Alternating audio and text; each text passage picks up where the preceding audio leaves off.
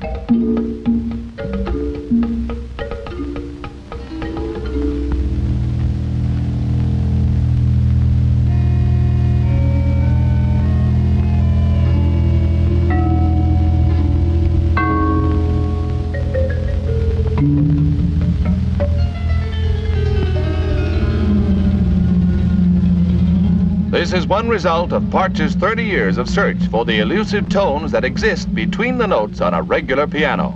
I want to interject something here about tonal senses. It has been repeated for years, probably centuries, by theorists who never made an experiment in their entire lives that just intonation is musically impractical because it does not allow a tone to be taken in more than one sense. This is sheer poppycock. Again, from the same sequence, the antiphony. Female chorus voices, sustained by the kithara, hold a straight 1-1, while adapted cello and string bass, both in other registers, play the sequence 8-7-0 tonality, seven-four-u tonality, 16-9 tonality, 11-8 tonality, 1611 tonality, 98 U tonality. Every one of these six chords holds an 11 identity in these six different tonalities. Again, O crowding woods and narrow paths where three roads meet.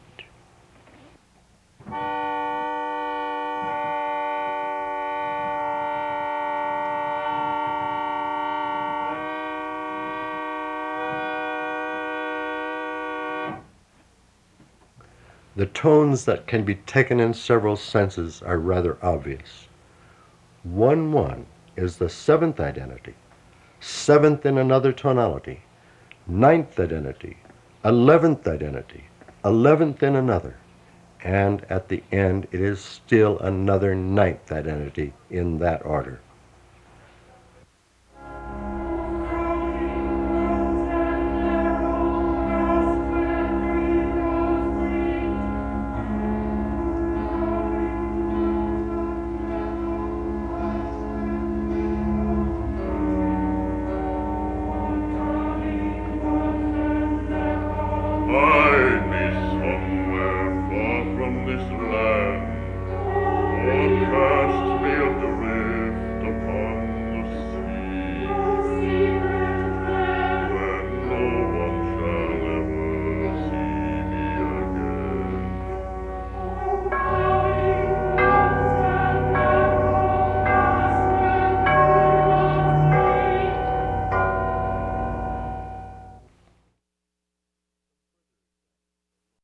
I have said many times, and I am by no means the first to say it, that 12 tone equal temperament not only slams doors against any further investigation of consonance, but it also slams doors in the entire balance of the temple against any further investigation of dissonance. Dissonance on the piano and dissonance in a monophonic system of just intonation are entirely different servings of tapioca. I will approach the subject gently. In the coda of Oedipus, the resolution involves parts of true hexads, including a 33 identity, which is certainly dissonant, up to the penultimate. At the end, it is dissonant, monophonically dissonant.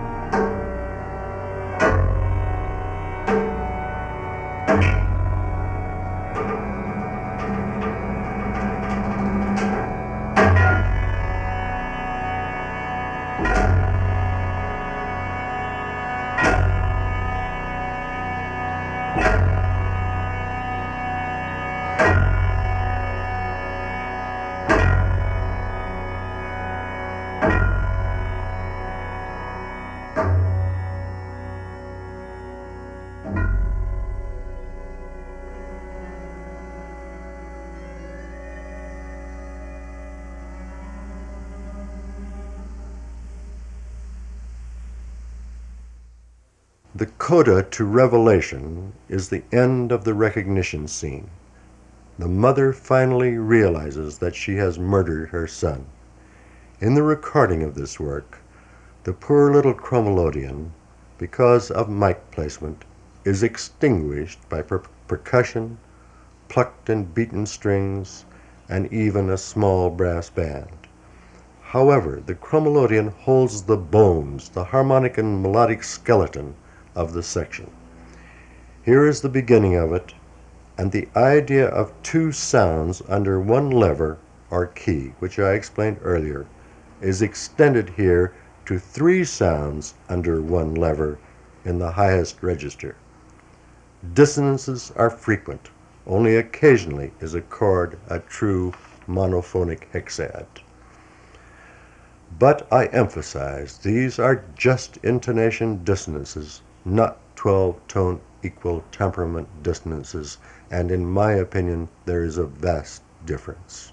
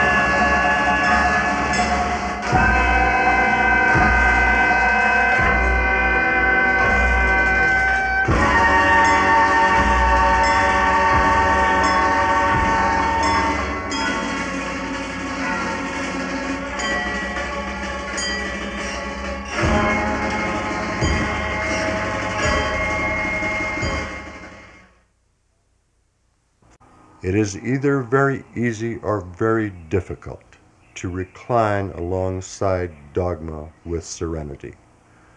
I have seen through most of my life how lonely and contemplative investigation of musical human materials is discouraged by dogma. The doors that are closed because of education are the saddest doors that humanity never walked through. And there is at least the question whether the world has already known and long ago abandoned both habits of education and usages superior to those we currently adhere to. Now that we have suffered the present dogmas in the West for about 300 years, who would want to exchange them for a different set of rigid stipulations? I wouldn't. Responsible freedom, it seems to me, is the desideratum. The widely revered master disciple concept represents, on both sides, too easy an escape into the limbo of no responsibility. I have said that if anyone calls himself a pupil of mine, I will happily strangle him. But this is simply the expression of an attitude, and amazingly, in the deeper meaning, it is an expression of hope.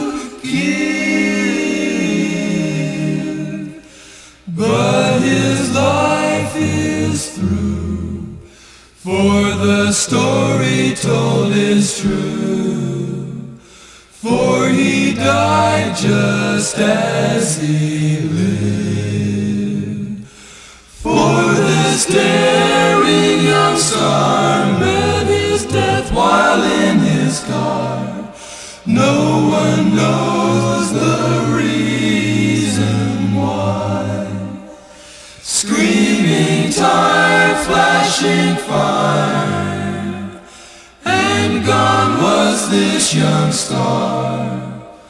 Oh, how could they